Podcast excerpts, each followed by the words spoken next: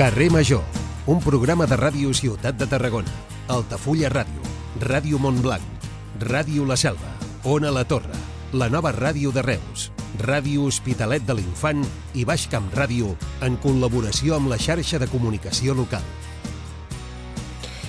Hola, bona tarda, benvinguts. Tornem a ser dilluns i us tornem a acompanyar, com fem cada setmana, des de les sintonies de les emissores locals del Camp de Tarragona. Això és Carrer Major. Avui, al programa, en aquesta primera hora, parlarem de canvi Carrer climàtic. Major. I Avui, al al carrer programa, Major, aquest- el conseller d'Acció Climàtica, David Mascor, ha tornat a defensar l'estratègia de portar aigua en vaixells en cas que sigui necessari i fer-ho des d'on calgui, fins i tot des d'aquí a Tarragona. Ho ha dit en una entrevista aquest matí a Catalunya Ràdio, on també ha criticat les pistes de patinatge sobre gel que encara hi haurà en alguns municipis, també aquí a Tarragona. David Mascor ha explicat que qualsevol mesura que el govern pugui aplicar per fer arribar aigua de boca allí on sigui necessària serà una bona mesura. Sobre les crítiques que la proposta de portar aigua en vaixells i possiblement des d'aquí a Tarragona ha suscitat aquí al territori, el conseller d'Acció Climàtica ha defensat que no es tracta d'una reforma estructural de les conques, sinó de donar suport a les zones que ho necessiten. D'altra banda, el conseller d'Acció Climàtica ha anunciat que Catalunya d'aquí 4 anys podrà reutilitzar ja el mateix volum d'aigua que necessita Barcelona per abastir-se durant un any. Ho ha anunciat en el marc de la cimera del clima de les Nacions Unides, de la COP29, que s'està celebrant aquests dies als Emirats Àrabs. De fet, d'aquesta cimera en parlarem avui al programa amb un especialista del territori que hi anirà, hi anirà demà. És la professora Susana Borràs del Departament de Dret Públic de la Universitat Rovira i Virgili. I en política, i no sense soroll mediàtic i també polític, aquest cap de setmana hi ha hagut la primera reunió entre el Partit dels Socialistes i Junts a Ginebra. El president espanyol, Pedro Sánchez, ha avançat avui que encara hi haurà més reunions dins i fora de l'Estat i que les que faran amb Esquerra Republicana tindran un verificador diferent. De fet, també ha dit que li agradaria poder negociar de manera conjunta amb Junts i Esquerra Republicana. I aquí a Catalunya el govern ha comunicat que s'està preparant una rebaixa de l'IRPF que podria beneficiar 2,6 milions de contribuents. La mesura del Departament d'Economia i Hisenda beneficiaria els ciutadans amb rendes més baixes, iguals o inferiors als 33.000 euros. Són notícies de les quals estem pendents també aquí al territori, encara que siguin d'abast més general. Això és Carrer Major. Ah, Us estem acompanyant des de 8 emissores del Camp de Tarragona amb un equip que formem l'Iri Rodríguez, l'Aleix Pérez, en David Fernández, la Gemma Bufies, a la Cristina Artacho, l'Adrià Racasens, en Jonai González, en Pau Corbalan, l'Antoni Mellado, Antoni Mateos, jo mateixa, que us parlo aquesta primera hora, des d'ara i fins a les 5 de la tarda, i el Iago Moreno. Comencem.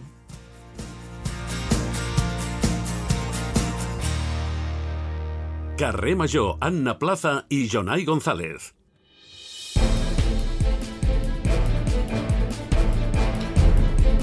Quatre i sis eh, minuts, moment d'avançar en forma de titulars les notícies més destacades del dia, que després ampliarem a l'informatiu d'aquesta primera hora. Jonai González, bona tarda. Molt bona tarda. El conseller d'Acció Climàtica David Mascora ha tornat a defensar l'estratègia de portar aigua en vaixells en cas que sigui necessari i fer-ho des d'on calgui, fins i tot des d'aquí a Tarragona. Mascort s'hi ha referit en una entrevista a Catalunya Ràdio i el conseller ha explicat que qualsevol mesura que el govern pugui aplicar per fer arribar aigua de boca a les llars serà bona. Anem a la Conca de Barberà, on es talaran 45 hectàrees d'arbres morts per la sequera al paratge de Poblet. Els treballs serviran per extreure tots aquells arbres que, de pi pinastre que han mort a causa de la sequera i de les plagues que han afectat la zona els últims anys. El govern espanyol fa un pas més en la tramitació de la línia de molt alta tensió que transportarà electricitat des de Granyón a Osca i als hostalets de Pierola, a la Noia, i que travessarà la Conca de Barberà. Concretament, el butlletí oficial de l'Estat ha publicat aquest dissabte l'autorització al Parc Eòlic Lupus i les seves línies d'evacuació. I a Tarragona hi haurà més zones verdes, concretament a la zona de Joan 23. L'empresa municipal de transports ha començat els treballs d'adequació d'aquestes zones d'aparcament a l'entorn de l'hospital. Està previst que entri en funcionament durant el mes de febrer del 2024 i que s'incrementin més d'un miler de places d'aparcament al voltant d'aquesta zona. Roda Barà torna a demanar a la Generalitat que reobri el consultori mèdic de la platja. L'equipament donaria servei a uns 1.200 habitants empadronats i una població flotant de 9.000 persones durant els mesos d'estiu. En esports, el Nàstic de Tarragona perd per 2 a 0 a Salamanca en el pitjor partit de la temporada. I en bàsquet a l'Ale Plata, el Salou va sumar una nova victòria sobre l'Alginet per 68 a 84 i el CBT va tornar a perdre a casa per 69 a 78. I en cultura el protagonisme serà pel cant de la Sibila, que tornarà un any més i ja en van 10 a la Catedral de Tarragona. Tot això ho repassarem d'aquí mitja hora, 40 minuts aproximadament, en l'informatiu de Carrer Major. Jonai, després tornem a parlar. Fins ara. Fins ara.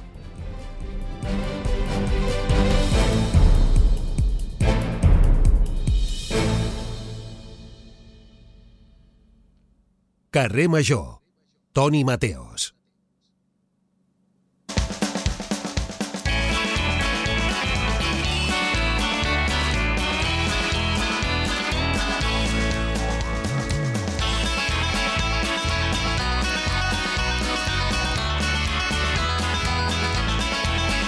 Mateo. Plaça. Mira, et diré una... Te, mira, te faig una petició perquè després no hi pensaré a la reunió, d'acord? Vale. Mira, demà al programa he demanat una entrevista amb la Carlota Moragas, Ah. il·lustre politòloga, professora al Departament de Comunicació de la Universitat Rovira i Virgili, perquè estan fent unes jornades sobre comunicació i estratègies de difusió d'idees de l'extrema dreta, que em sembla superinteressant, però m'ha dit que a dos quarts de cinc ha d'estar llesta. Per tant, si et va bé, demà primer fem l'entrevista i després parlem amb tu. Em sembla fantàstic. Sí, sí, ja t'ho demano tant. ara, eh? I tant, i tant. Aquí es va fent tot. després. Quan Després acabis ho concretem, perquè no, que no se m'oblidi, eh? Per, I també tinc moltes idees pels Tonis. Toni Ah, Mateos. T'ho agraeixo perquè avui parlarem de la Conxita Velasco. Home, Home, la xica Yeye, pobreta. la xica Yeye.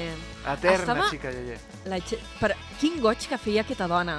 Saps allò de saber envellir? Perquè ja se la veia velleta ara. Sí, Però sí, sí. feia un goig, Amb dignitat. molta dignitat. És igual, tinc arrues, tinc el cabell blanc, porto unes ulleres de cul de got. I què? És igual, Estic és diviníssima. Està diviníssima i, i tal, i... I saber, I saber deixar les coses a temps, eh, a la Sí. plaça. Quan ja es notava que no entregava el 100% al damunt dels escenaris, doncs diu Amics, fins aquí hem arribat. Fins Gràcies i fins la propera. Ha estat un plaer. Doncs sí, sí, com s'ha de- s'ha d'acomiadar tothom amb dignitat. Amb elegància. Amb elegància, Amb com, una, elegància. com una xica llei, eh? És que la llei està a la moda. Bueno, i una dona de musicals, eh? Clar, jo, clar, aquí també va versió més canyí, però clar, també és una senyora que va portar musicals. Hello, i, eh, Dolly. va- Hello, Oh, Dolly. I tant, i tant. Ja en Sí, parlarem sí. perquè li va portar molt d'èxit i també molts problemes econòmics Sí, a, a, a adaptar aquest, aquest musical del Hello Dolly que va fer famosa la, la Barbara Streisand. Però bueno, ja en parlarem. Ai, quina tònics. meravella de dona. Estàs parlant de dones meravelloses, eh? És- Bàrbara Streisand, també. Streisand. Buah. Barbara Streisand que diu jo no agafo un avió. Per què? Perquè no em dóna la gana. Perquè ja estic... I, i, I mira, i la volen portar aquí a Europa, la volen portar, però ella diu no, no, no agafo un avió. Fantàstic, És igual, fantàstic. és igual. Mira, Ai, avui Què parlarem més? amb el Santi Nomen, que és director del Pessebre dels Estels. Aquesta Ah, nova és edició veritat, molt bé. A Masia Castelló, doncs ja ho sabem, que estaran el 8 i el 9 i després el 15 i el 16 doncs oferint aquests pessebres vivents. Un La Maribel Mar- superclàssic de Sí. festes nadalenques Sí, sí. i, a més, la gent que hi ha anat me n'ha parlat tan bé del Mm. pessebre vivent de la Masia del Castelló. A veure què ens expliquen avui. I tant.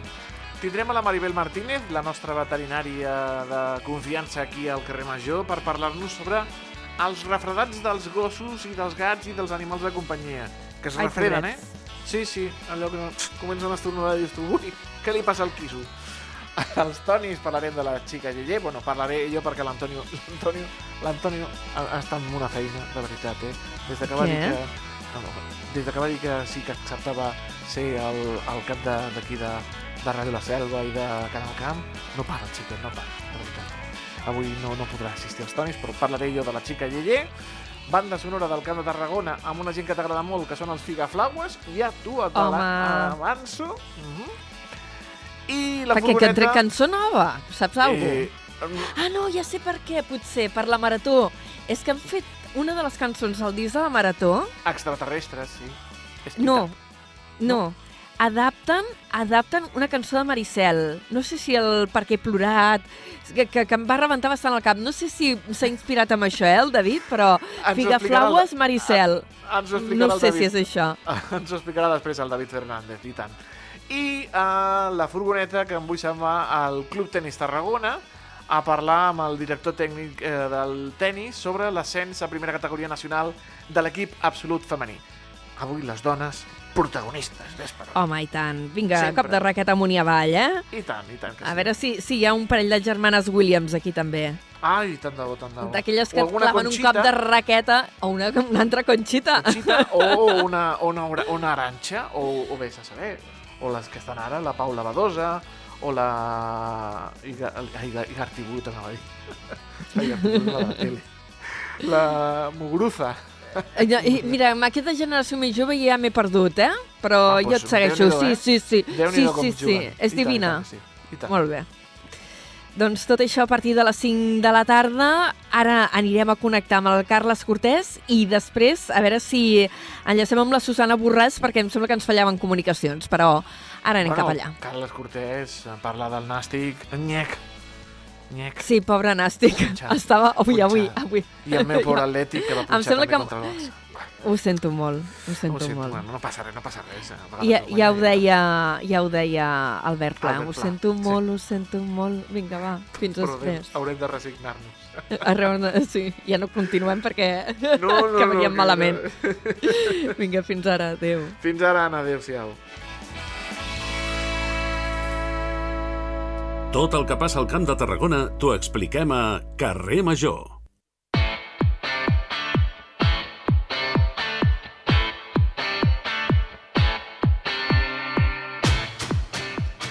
En aquest punt del programa saludem, com acostumem a fer els dilluns, el Carles Cortés. Ell ens ajuda a fer l'anàlisi esportiva durant temporada castellera també, anàlisi castellera, però ara ens centrarem en l'anàlisi esportiva.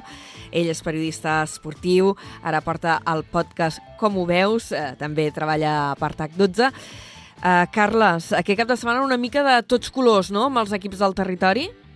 Sí, la veritat és que sí. Hi ha alegries, molt alegries, ara ho explicarem, sí? I hi ha decepcions, molt decepcions també. O sigui que, a més a més, no és allò de vaja, no, no passa res, no, no. Hi ha coses que sí que passen i hi ha victòries d'aquelles que crec que són molt importants de cara al futur immediat d'alguns dels clubs i dels esports de la demarcació. Escolta, què vols com començar? Per les alegries molt alegries o per les decepcions molt decepcions?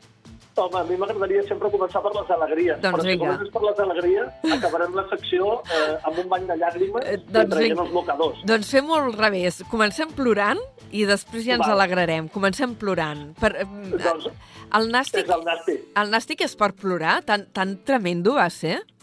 Sí, dolentíssim el partit, però dolentíssim vol No. dir dolentíssim. Um, al, al minut 20 de partit ja estava decidit. Ahir el Nàstic va jugar al camp de l'Unionistes de Salamanca i al minut 20 ja perdia 2 a 0 i allí es va acabar el partit. No va passar res més. El Nàstic, en 90 minuts de joc, no va tirar ni una sola vegada porteria. I la veritat és que és una derrota dolorosa. No pel fet de perdre, perquè tu pots perdre, evidentment. El futbol i l'esport en general té aquestes coses. Un dia guanyes i un altre dia perds però no la manera com va, va perdre l'equip. A més, l'entrenador Dani Vidal va ser molt dur, molt contundent amb els jugadors per la falta d'intensitat, per la falta de lluita, per la falta d'entrega, i és una derrota dolorosa. Insisteixo que al minut 20 el partit ja estava decidit. I a més a més és una derrota dolorosa perquè venies de guanyar el líder 3 a 0 a casa.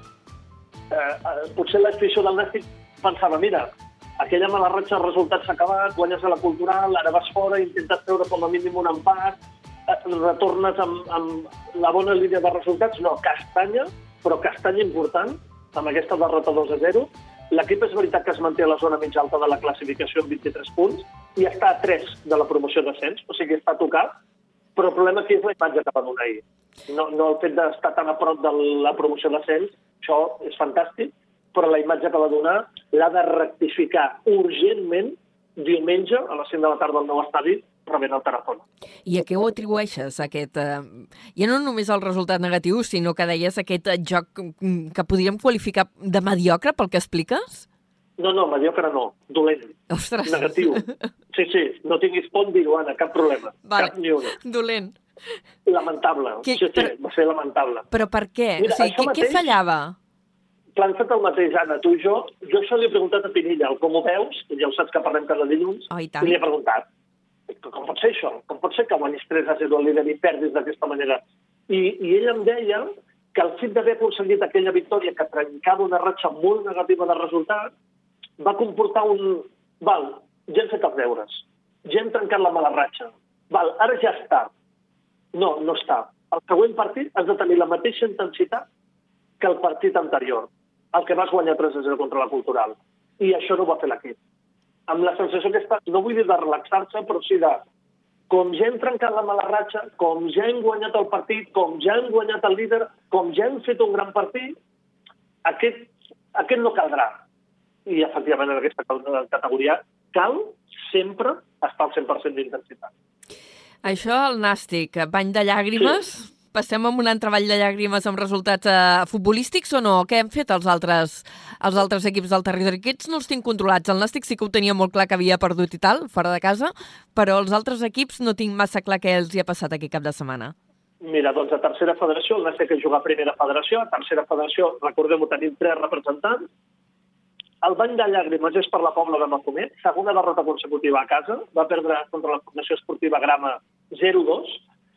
Mm, No, no afecta tant a la classificació com si el fet d'encadenar una mala ratxa de resultats. I la Pobla necessitaria començar a guanyar partits per no estar mirant més per avall que per amunt. Fins ara mirava més per amunt que per avall i si no ho redreça, li tocarà mirar més per avall que per amunt. Aquest és el bany de llàgrimes a tercera federació, la derrota a casa de la Pobla.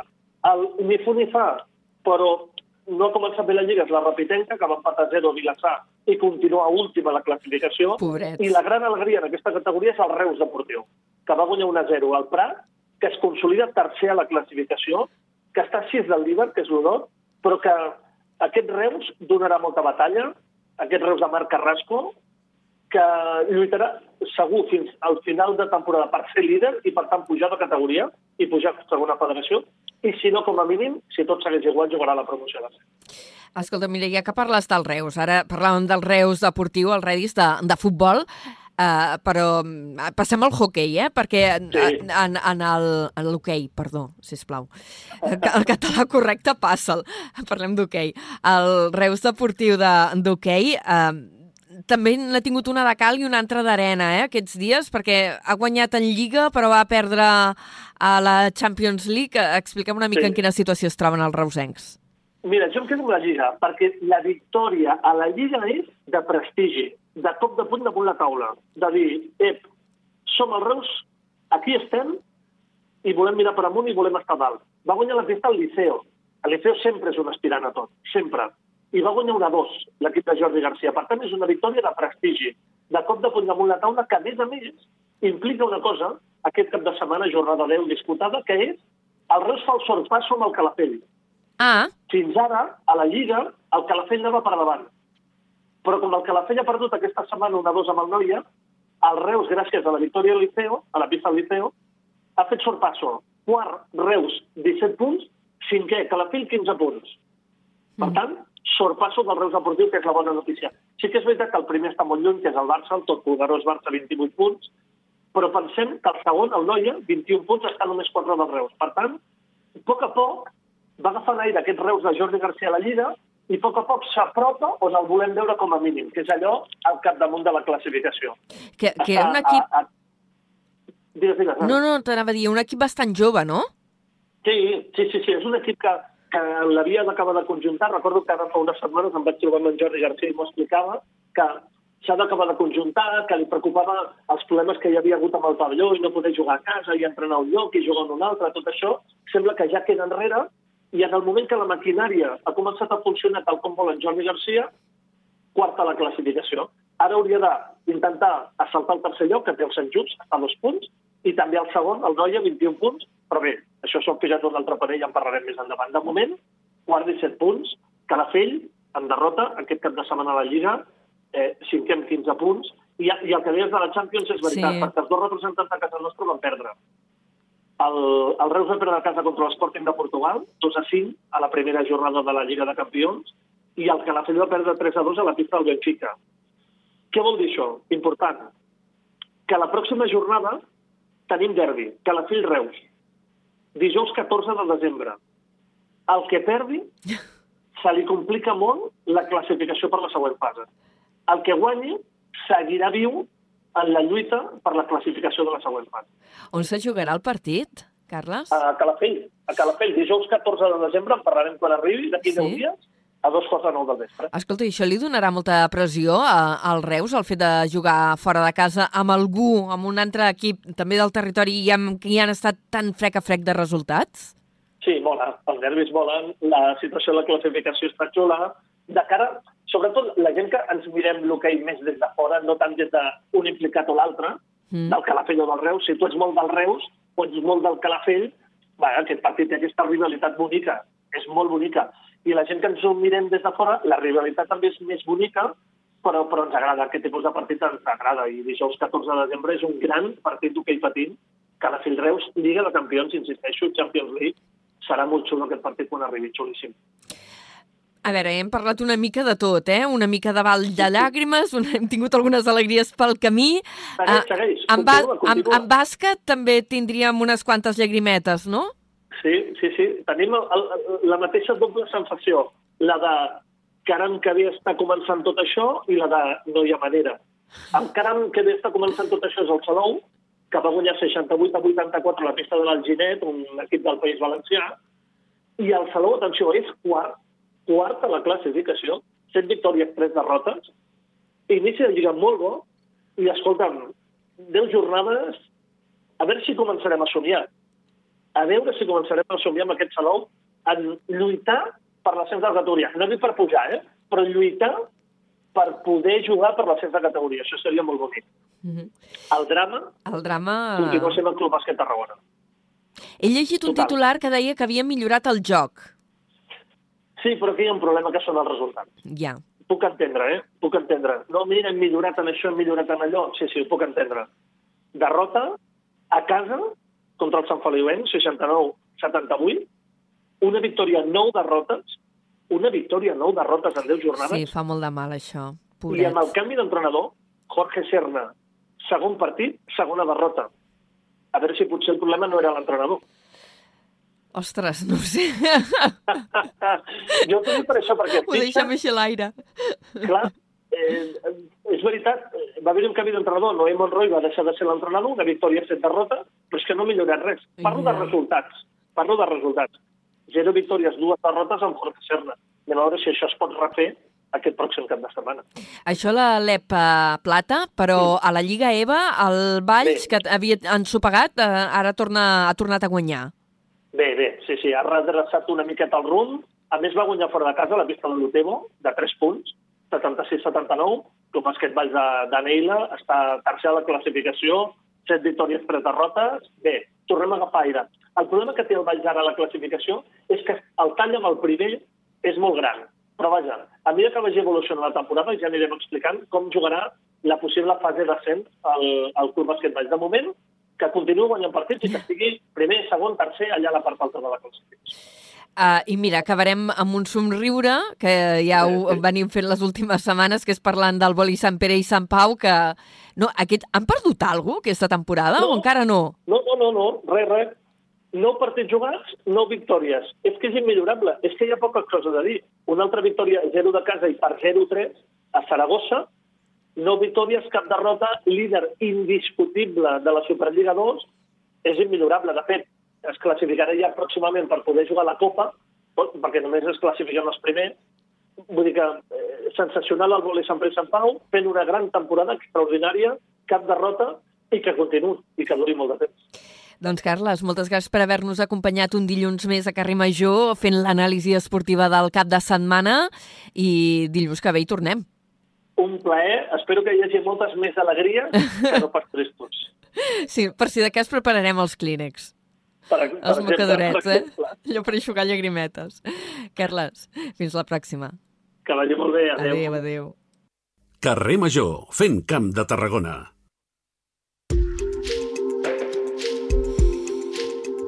Avui hem invertit l'ordre de les seccions. Hem parlat primer amb el Carles Cortés mentre intentàvem contactar. I eh, finalment ho hem aconseguit amb la Susana Borràs. Ella és professora de Dret Internacional Públic i Relacions Internacionals a, a la Universitat Rovira i Virgili i també forma part del Centre d'Estudis de Dret Ambiental de Tarragona. I precisament ella demà se n'anirà en aquesta cimera del clima que s'està fent als Emirats Àrabs, a la COP28, i tenim ganes que ens expliqui del seu pas eh, proper per aquesta cimera i una mica com ho veu tot plegat. Professora Borràs, bona tarda, benvinguda. Bona tarda, moltes gràcies. Uh, demà marxeu cap a la COP28 com a representant de la URB uh, i per participar en dues taules en què es parlarà d'una banda sobre el paper dels oceans en l'absorció de CO2 i també en l'impacte eh, en els moviments migratoris que, que tindrà i ja està tenint el canvi en el clima, oi? Exacte, tenim l'oportunitat d'estar acreditats a la zona blava, que és on es produeixen les principals negociacions i és on hi ha els delegats dels estats, però també és on eh, les persones acreditades, universitats, diversos col·lectius de, per exemple, empreses, agricultors, agricultores, eh, gent jove, doncs també tenen l'oportunitat de- d'entrar-hi per doncs, posar de manifest doncs, aquelles preocupacions que a nivell científic, però també a nivells socials, doncs, es deriven del canvi climàtic. Nosaltres, com a URB, estarem allà parlant dels oceans, com bé dèieu, en la mesura que els oceans doncs, són els pulmons blaus del planeta que absorbeixen més del 80% de les emissions de gasos d'efecte hivernacle i lliberen més del 50% d'oxigen. No? I veurem quines implicacions, en el meu cas, no? jurídiques, estan el reconeixement dels drets dels oceans per protegir no? aquesta massa de vida que preserva el planeta. I d'altra banda parlant també de migracions climàtiques, que és un altre dels aspectes que es deriven de l'impacte social del canvi climàtic, que és el desplaçament de poblacions com a conseqüència dels desastres vinculats al canvi climàtic i quines són eh, o quins són els reptes que es deriven de, de la seva protecció. Aquí tenim una contradicció amb aquest tema que és, que és apassionant dels moviments eh, migratoris, perquè d'una banda eh, tenim eh, el, el fet de que de moviments migratoris n'hi ha hagut, però encara s'accentuaran més, tenint aquesta, en compte aquestes situacions eh, de canvi climàtic, d'avanç progressiu de, de zones amb sequeres, de desastres eh, climatològics, però al mateix temps ens trobem en països cada vegada eh, més reticents a obrir fronteres, o al contrari, que cada vegada les estan tancant més. La veritat és que mm, són narratives que moltes vegades s'instrumentalitzen per defensar no, polítiques totalment basades en la securització de la frontera. Hem de tenir en compte que, d'acord amb dades de Nacions Unides, la major part de població que es veu desplaçada com a conseqüència dels desastres climàtics ho fan internament, és a dir, sense creuar fronteres internacionals precisament perquè els desastres vinculats al canvi climàtic afecten a les poblacions més empobrides i més ecodependents dels països del sud global. Per tant, hem de pensar que un procés migratori és és molt, molt costós a nivell personal i a nivell econòmic i, per tant, aquestes poblacions que es desplacen um, en grans masses uh, ho fan internament. Poques acaben creuant fronteres internacionals. Per tant, hem de revertir una mica les narratives que hi ha al voltant de les migracions, tot i que és veritat que a mesura que l'acció climàtica no sigui prou ferma, evidentment, uh, la freqüència i intensitat dels efectes derivats del canvi climàtic generaran cada vegada més pues, moviments eh, més prolongats de, de persones com a conseqüència dels efectes del canvi climàtic. Però calen respostes tant a nivell de canvi climàtic com de polítiques migratòries, basades en drets humans, evidentment. Eh, L'altre tema que abordareu eh, en, aquesta, en aquesta conferència sobre el clima que s'està fent als Emirats Àrabs, que després entrarem a parlar on se fa aquesta conferència precisament del clima, eh, és el tema dels oceans i deia que vostè hi parlaria sobre el dret internacional de, de la preservació d'aquests oceans. Exacte. Ja eh, aquest, aquest estiu ja es va aprovar una gran convenció que és considerada la Convenció o la Constitució dels Oceans, que té com a principal objectiu la protecció d'aquelles zones més enllà de la jurisdicció dels estats. No? Aquest conveni, que ha d'entrar en vigor, eh, estableix la necessitat de protegir el 30% de les zones que estan més enllà de les jurisdiccions dels estats. Estem parlant sobretot d'alta mar, dels fons marins, que eh, són primordials per eh, regular els ritmes biofísics del planeta. No? Per tant, aquesta és una de les qüestions més importants que es vinculen directament al clima, no? per aquelles funcions que, que abans hi fa referència que tenen els oceans no? i per preservar també els ecosistemes vinculats als oceans. Hem de tenir en compte que més de, de 300 milions de persones en el món viuen directament no? eh, o depenen directament de, de la qualitat de vida dels oceans, de la salut dels oceans, i són els grans pulmons reguladors dels sistemes climàtics. És per això que volem eh, posar de manifest com a juristes internacionals la protecció i l'aplicació d'aquest conveni que entrarà en vigor i sobretot també defensar la possibilitat de centrar el dret en una perspectiva més ecocèntrica per preservar el valor inherent que tenen els oceans i la funció tan important, tan important que fan a nivell planetari. Uh, ara he dit una paraula que m'ha cridat l'atenció, ecocèntrica, posar l'ecosistema al centre. Uh, clar, en aquesta cimera, uh, que en aquest cas es fa als Emirats Àrabs, hi participen governs, hi participen institucions, hi participen lobbies econòmics, hi participeu la comunitat acadèmica i científica.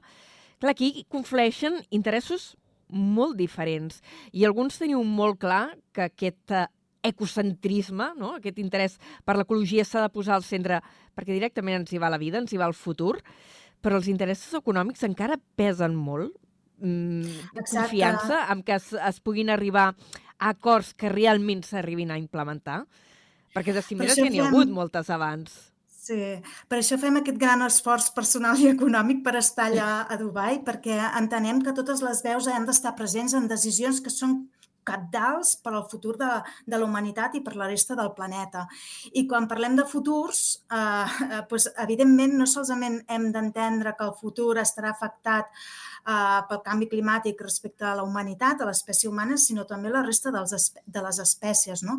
Eh, l'ésser humà, l'espècie humana ha estat la única en tota la diversitat que té el planeta Terra en revertir els, els ritmes biofísics que té aquest planeta mm, amb l'emissió, l'alliberament de gasos d'efecte hivernacle, principalment alliberaments d'emissions produïdes per països industrialitzats del nord global, no? però que no solament han desplaçat els danys cap a l'atmosfera i cap a les poblacions humanes més vulnerables, sinó que també està extingint eh, les espècies de les quals nosaltres en depenem. Per tant, nosaltres estem reivindicant eh, la protecció jurídica ja no des de la punt de vista de la perspectiva humana, és a dir, protegim la natura en la mesura que la natura ens dona o és d'utilitat per l'ésser humà per satisfer les seves necessitats, sinó que el que volem protegir és la natura per la importància que té i, eh, sobretot, entendre que nosaltres som part de la natura i que sense ella no podem viure. No? Evidentment, hi ha eh, interessos geoestratègics, polítics, ho hem vist sobretot aquests dies que s'ha parlat tant no? dels combustibles fòssils i la de necessària erradicació, però és necessari contrarrestar no? tots aquests arguments que el que no fan res més és que eh, és retardar l'acció climàtica eh, i sobretot tenint en compte que la comunitat científica des de ja fa anys, i ens ho diu l'últim informe de la, del panel intergovernamental del canvi climàtic, la finestra, la finestra d'oportunitat s'està tancant. Per tant, hem de, de, de, de participar no? per reforçar la idea de que necessitem uh, un canvi estructural, un canvi sistèmic i hem de posar pressió sobre les decisions que es puguin prendre en, en aquesta cimera. Uh, professora Borràs, mm, ara ho comentava, no? que hi ha hagut polèmica perquè aquesta cimera del COP28 s'està fent als Emirats Àrabs, que és un dels principals productors eh, mundials de petroli, combustible fòssil, que si el cremes el que en surt és gas CO2, gas d'efecte hivernacle, i ahir tenim el president eh, de, la, de la cimera, eh, que és un sultà dels Emirats Àrabs, dient, no, no, però Eh, no està demostrat que si eliminem el CO2 o el reduïm, eh, acabem amb aquest efecte invernacle i revertim aquest eh, procés d'escalfament global. Quina cara se li queda com a persona que fa anys que es dedica, en aquest cas, al dret ambiental, eh, quan sent coses d'aquestes? Bé, és una, una irresponsabilitat completament, no? Eh, I no és perquè ho digui jo, és que ho diuen científics des de fa molts anys que és necessari erradicar eh, pel 2050, i on hem d'esperar el 2100, el canvi de segle, sinó que pel 2050 hauríem de tenir una total neutralitat eh, carbònica, una neutralitat en les economies.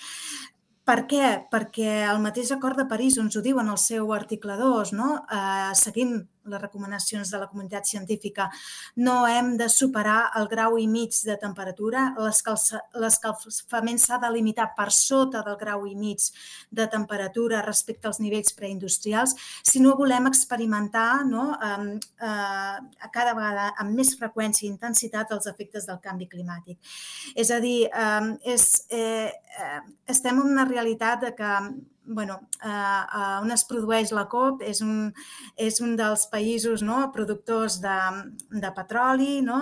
Eh, a més a més, eh, el, el senyor Sultan Al-Jaber, no, quan es va nombrar com a president de, de la COP28, doncs, va rebre moltes crítiques no? perquè bueno, mm, s'estava dient que hi havia pues, una situació flagrant d'interessos, de conflicte d'interessos, en tant que ell és ministre i és director executiu de bueno, una de les empreses estatals més importants productores de gas i de petroli. I, i bé, eh, tot i que la inauguració de la COP va començar amb grans declaracions, eh, no ens deixem enganyar. Eh, la declaració més important seria aquella que ha de venir per erradicació total de, de les subvencions als combustibles fòssils, erradicació total de l'utilització dels combustibles fòssils, no? el carbó, el petroli i el gas, i, eh, evidentment, fomentar, triplicar no? eh, les energies renovables i duplicar l'eficiència d'aquestes energies per tal de mantenir els nivells de seguretat que ens recomana la comunitat científica. I alhora, un altre bon anunci seria aquell que que ja s'ha començat a produir, però no de forma suficient, seria pagar els danys i les pèrdues que ja estan, mm, origina, que estan afectant ja a molts països. No?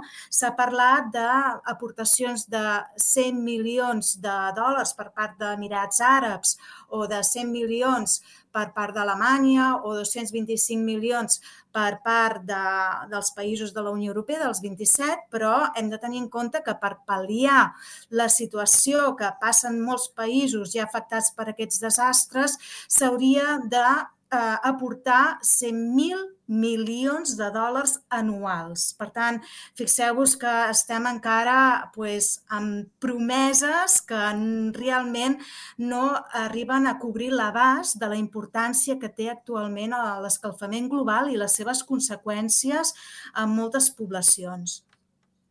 Professora Borràs, ho haurem de deixar aquí perquè se'ns ha fet tardíssim i encara tenim l'informatiu, però li agraïm moltíssim que hagi participat avui a Carrer Major eh, fent-nos cinc apunts eh, sobre aquesta cimera del clima, la COP28 que s'està fent als Emirats Àrabs i on vostè anirà demà. Que tingui molt bon viatge i esperem que siguin productives aquestes reunions de treball. Així ho esperem. Moltes gràcies. Bona tarda. Amb vostè. Bona tarda. Carrer Major, al Camp de Tarragona, des de ben a prop. Són les 4 i 41 minuts, 20 eh, minutets escassos que ens queden per repassar les notícies més destacades del dia i parlant de qüestions també relacionades amb el clima. El conseller d'Acció Climàtica, David Mascor, ha tornat a defensar l'estratègia de portar aigua en vaixells en cas que sigui necessari i fer-ho des d'on calgui, fins i tot des d'aquí a Tarragona. Jonai, bona tarda de nou. Molt bona tarda de nou. Mascort s'hi ha referit en una entrevista a Catalunya Ràdio. El conseller ha explicat que qualsevol mesura que el govern pugui aplicar per fer arribar aigua de boca a les llars serà bona.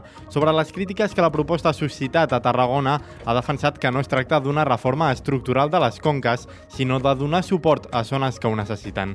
També ha volgut deixar clar que es tractaria d'una ajuda puntual i no d'una interconnexió de conques. Uns quants anys, eh? Si el meu veí té un problema i jo el puc ajudar, escolta'm, vaja, jo crec que no tindria cap dubte en fer-ho, jo.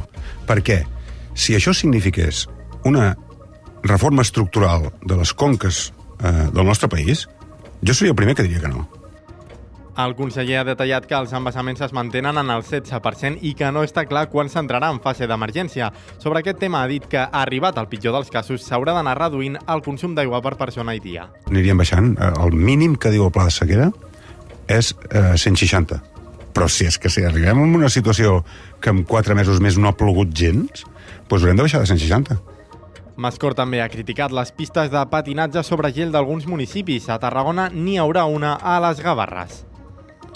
I més eh, qüestions. Ara anem a la Conca de Barberà, on es talaran 45 hectàrees d'arbres morts per la sequera al paratge de Poblet. Els treballs serviran per extreure tots aquells arbres de pipinastre que han mort a causa de la sequera i de les plagues que han afectat la zona els últims anys. Ens ho amplia des de l'Espluga FM Ràdio amb Pep Morató. Amb aquest projecte es preveu transformar l'estructura i composició de la massa forestal fent-la menys vulnerable al foc i airejant el terreny perquè els arbres no hagin de competir per l'aigua com passa actualment. Concretament, d'aquestes 45 hectàrees es preveu extreure 6.000 tones d'arbres, de les quals 4.500 seran per serra i la resta per biomassa. Escoltem a la directora general d'Ecosistemes Forestals al Departament d'Acció Climàtica, Alimentació i Agenda Rural, Anna Sanitges.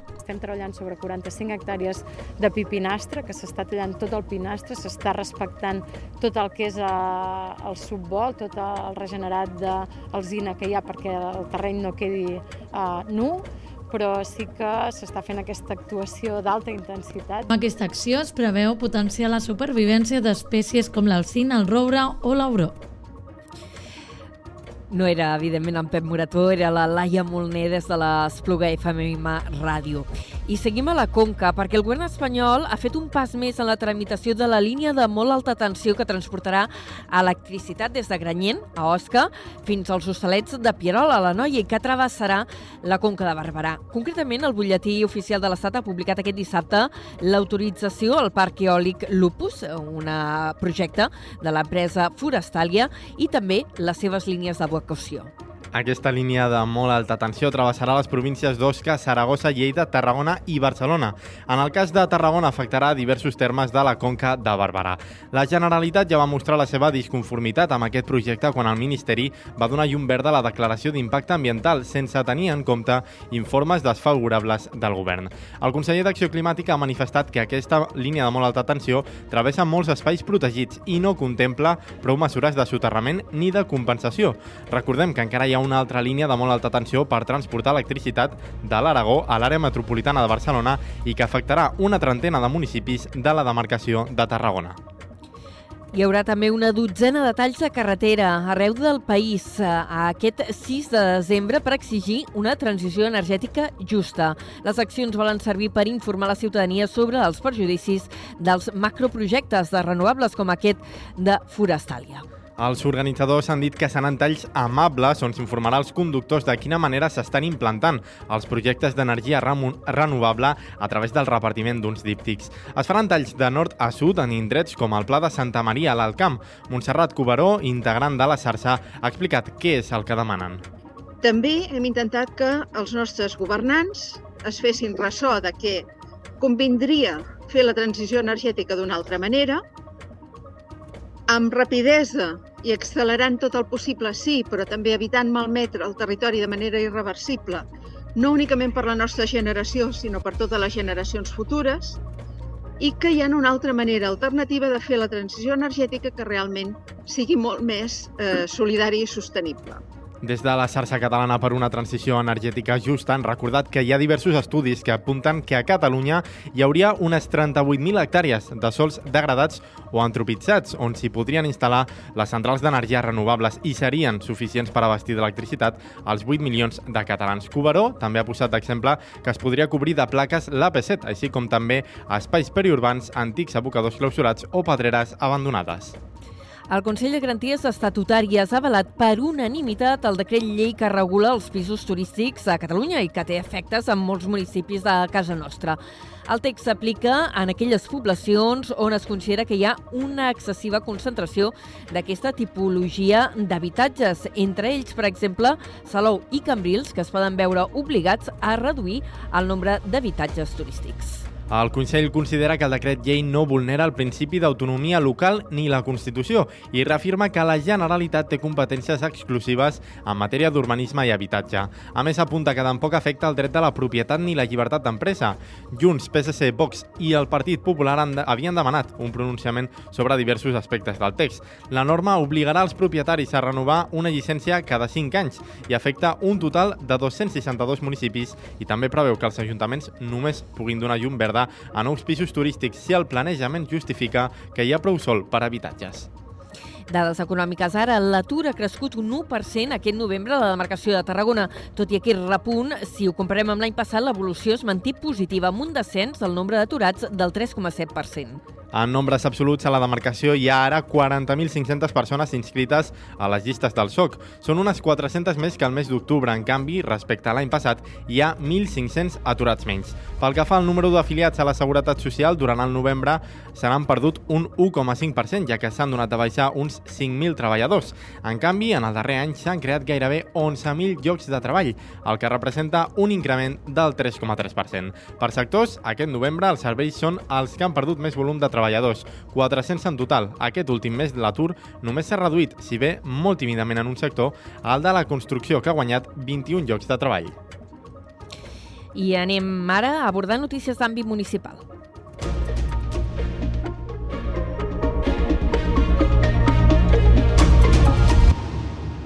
Començant a Tarragona, on hi haurà més zones verdes, concretament a l'entorn de eh, l'Hospital Joan 23, zones verdes d'aparcament. L'empresa municipal de transports de Tarragona ha iniciat aquesta setmana els treballs d'adequació d'aquestes noves zones regulades per a residents a l'entorn de l'Hospital Tarragoní. Està previst que entri en funcionament durant el mes de febrer de l'any vinent i que s'incrementin més d'un miler de places d'aparcament al voltant d'aquesta zona, de la de Joan 23, places verdes, ja hem dit. D'altra banda, el pàrquing dissuasiu de Guillem Oliver comptarà amb 388 places i es posarà en marxa el pròxim dimecres 13 de desembre. Al primer semestre del 2024 també estan previstos altres treballs d'adequació de zones verdes regulades per a residents al sector Arrabassada, Llevant, la zona de platges i també al sector nord. I ja que parlem d'aparcament, a Tarragona han començat els treballs de renovació de la maquinària d'un total de 7 aparcaments de gestió municipal. L'empresa municipal de transports ha assignat el contracte amb l'empresa Esquidata Ibèrica que s'encarregarà dels manteniments dels equipaments i el software per al control d'accessos. Ens ho amplia la Triaduc des de Ràdio Ciutat de Tarragona. Amb l'objectiu de facilitar el bon funcionament dels aparcaments i la qualitat del servei, l'MT i l'empresa adjudicatària han realitzat la primera reunió de treball. Es preveu que la tecnologia de la maquinària dels set aparcaments estigui renovada a mitjans del proper 2024. La presidenta de l'MT, Sònia Ors, destaca que és una bona notícia que el Tribunal Català de Contractes del Sector Públic hagi desestimat el recurs. Ja hem començat a treballar amb l'empresa adjudicatària perquè la modernització de la tecnologia actual dels aparcaments municipals a Tarragona sigui una realitat el més aviat possible. El Tribunal Català de Contractes del Sector Públic va notificar el passat 17 de novembre la desestimació del recurs especial en matèria de construcció, presentat al gener de 2022 per l'empresa Equinsa, una de les empreses licitadores del concurs. Moltes gràcies i ara ens traslladem al Baix Gaià. Roda Barà torna a demanar a la Generalitat que reobri el consultori mèdic de la platja. L'Ajuntament rodenc aprovava, ho feia la setmana passada per unanimitat en ple, una moció en què se sol·licita recuperar el servei en un equipament que es va tancar fa 15 anys. És el cinquè text d'aquestes característiques que aprova el consistori de Roda en els darrers anys. L'equipament donaria servei a uns 1.200 habitants empadronats i també a una població flotant de 9.000 persones durant els mesos d'estiu. L'edifici que, acollia el que, que acollia el consistori és de titularitat municipal i l'Ajuntament de Roda posaria totes les facilitats si la Generalitat decidís tornar a posar-lo en marxa. I més eh, qüestions, encara al Baix Gaià hem de parlar de les obres a la piscina eh, municipal d'Altafulla. Ha començat el compte enrere per tenir-la a punt per l'estiu vinent. Les obres tenen un cost de mig milió d'euros i consisteixen en crear un nou vas amb fundàries més equilibrades i la renovació de la maquinària. Ens ho explica des d'Altafulla Ràdio amb Pau Corbalan. Les màquines i els operaris ja treballen en el que ha de ser una nova piscina municipal amb la intenció que tota la mecànica existent la faci funcionar de manera correcta i sostenible i que tingui unes fundàries més adients a les necessitats dels usuaris. A més, es farà un canvi de l'enrajolat i en el tractament de l'aigua passant de ser de clor a ser salina. L'equipament, que l'estiu d'enguany ha estat tancat per problemes relacionats amb pèrdues d'aigua, d'aigua ha d'estar enllestit abans que s'inici la temporada de bany i es pugui obrir al públic. El regidor d'Esports d'Altafulla, Àlex Canyes, es mostra content i optimista per l'inici de les obres. Sí, un projecte doncs, que bueno, era cap dalt, no? ha estat un, un estiu sense, sense piscina amb tot el que ha comportat i bé, estem contents doncs, de que ara mateix els timings eh, anem sobre el previst, que ja doncs, hagin donat inici i esperem doncs, que de cara a l'estiu que ve puguem tenir la, la piscina a punt. Els treballs tenen un cost de més de 480.000 euros i és previst que s'allarguin 5 mesos. Per tant, si es compleixen els terminis, per Sant Joan hauria de poder posar-se en marxa. Uh, abordem ara notícies més d'àmbit social. Parlant d'educació, més de 40 alumnes de primer de batxillerat inicien una nova edició del programa Talent Jove que impulsa la Universitat Rovira i Virgili. Compta amb el suport de Rapsol i la voluntat és eh, fer una oferta formativa per permetre uh, a la universitat fer classes de matemàtiques i física de nivell superior. L'objectiu també és oferir coneixements avançats sobre física i matemàtiques a estudiants amb bones capacitats acadèmiques i especialment motivats per aprofundir en aquest aprenentatge. 41 alumnes de primer de batxillerat de 35 centres educatius han començat aquest curs i s'uneixen els joves de segon de batxillerat que ja van iniciar el programa l'any passat. La iniciativa es desenvolupa mitjançant la realització de tallers i sessions durant dos cursos i té un altre objectiu, el de potenciar el talent jove a Catalunya i contribuir així a construir un futur social i econòmic millor. Per cert, l'Estela i la Muntanyeta, el Centre de Paràlisi Cerebral, han presentat avui un projecte educatiu, educatiu en capses d'aprenentatge que es destinaran a les escoles de Tarragona. Els poders de la SISU és el nom d'aquest projecte educatiu innovador i pioner iniciat al nostre territori que pretén donar a conèixer el món de la discapacitat a alumnes de primària de la ciutat i eh, eh, s'acosta la Marató de TV3 en molts municipis del nostre territori ja s'han començat a fer activitats eh, per celebrar-la i per recaptar eh, diners. Per exemple, a Vandellós eh, s'han fet moltes propostes aquest eh, passat dissabte i s'hi han recaptat gairebé 8.000 euros. Anem ara als esports.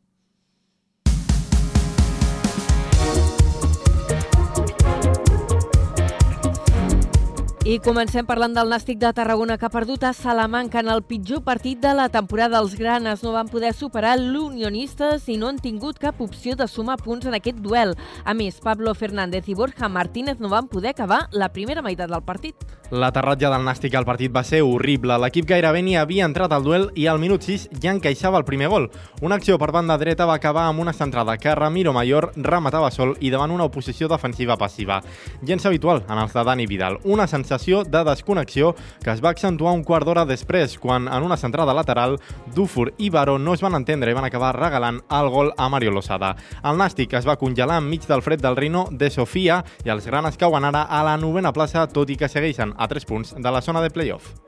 I a l'Alep Plata segueix la cara i la creu de la temporada. El Serrou continua intocable amb una nova victòria sobre l'Alginet per 68 a 84. Per la seva banda, el CBT va tornar a perdre aquest cop a casa davant el Sant Feloienc per 69 a 78.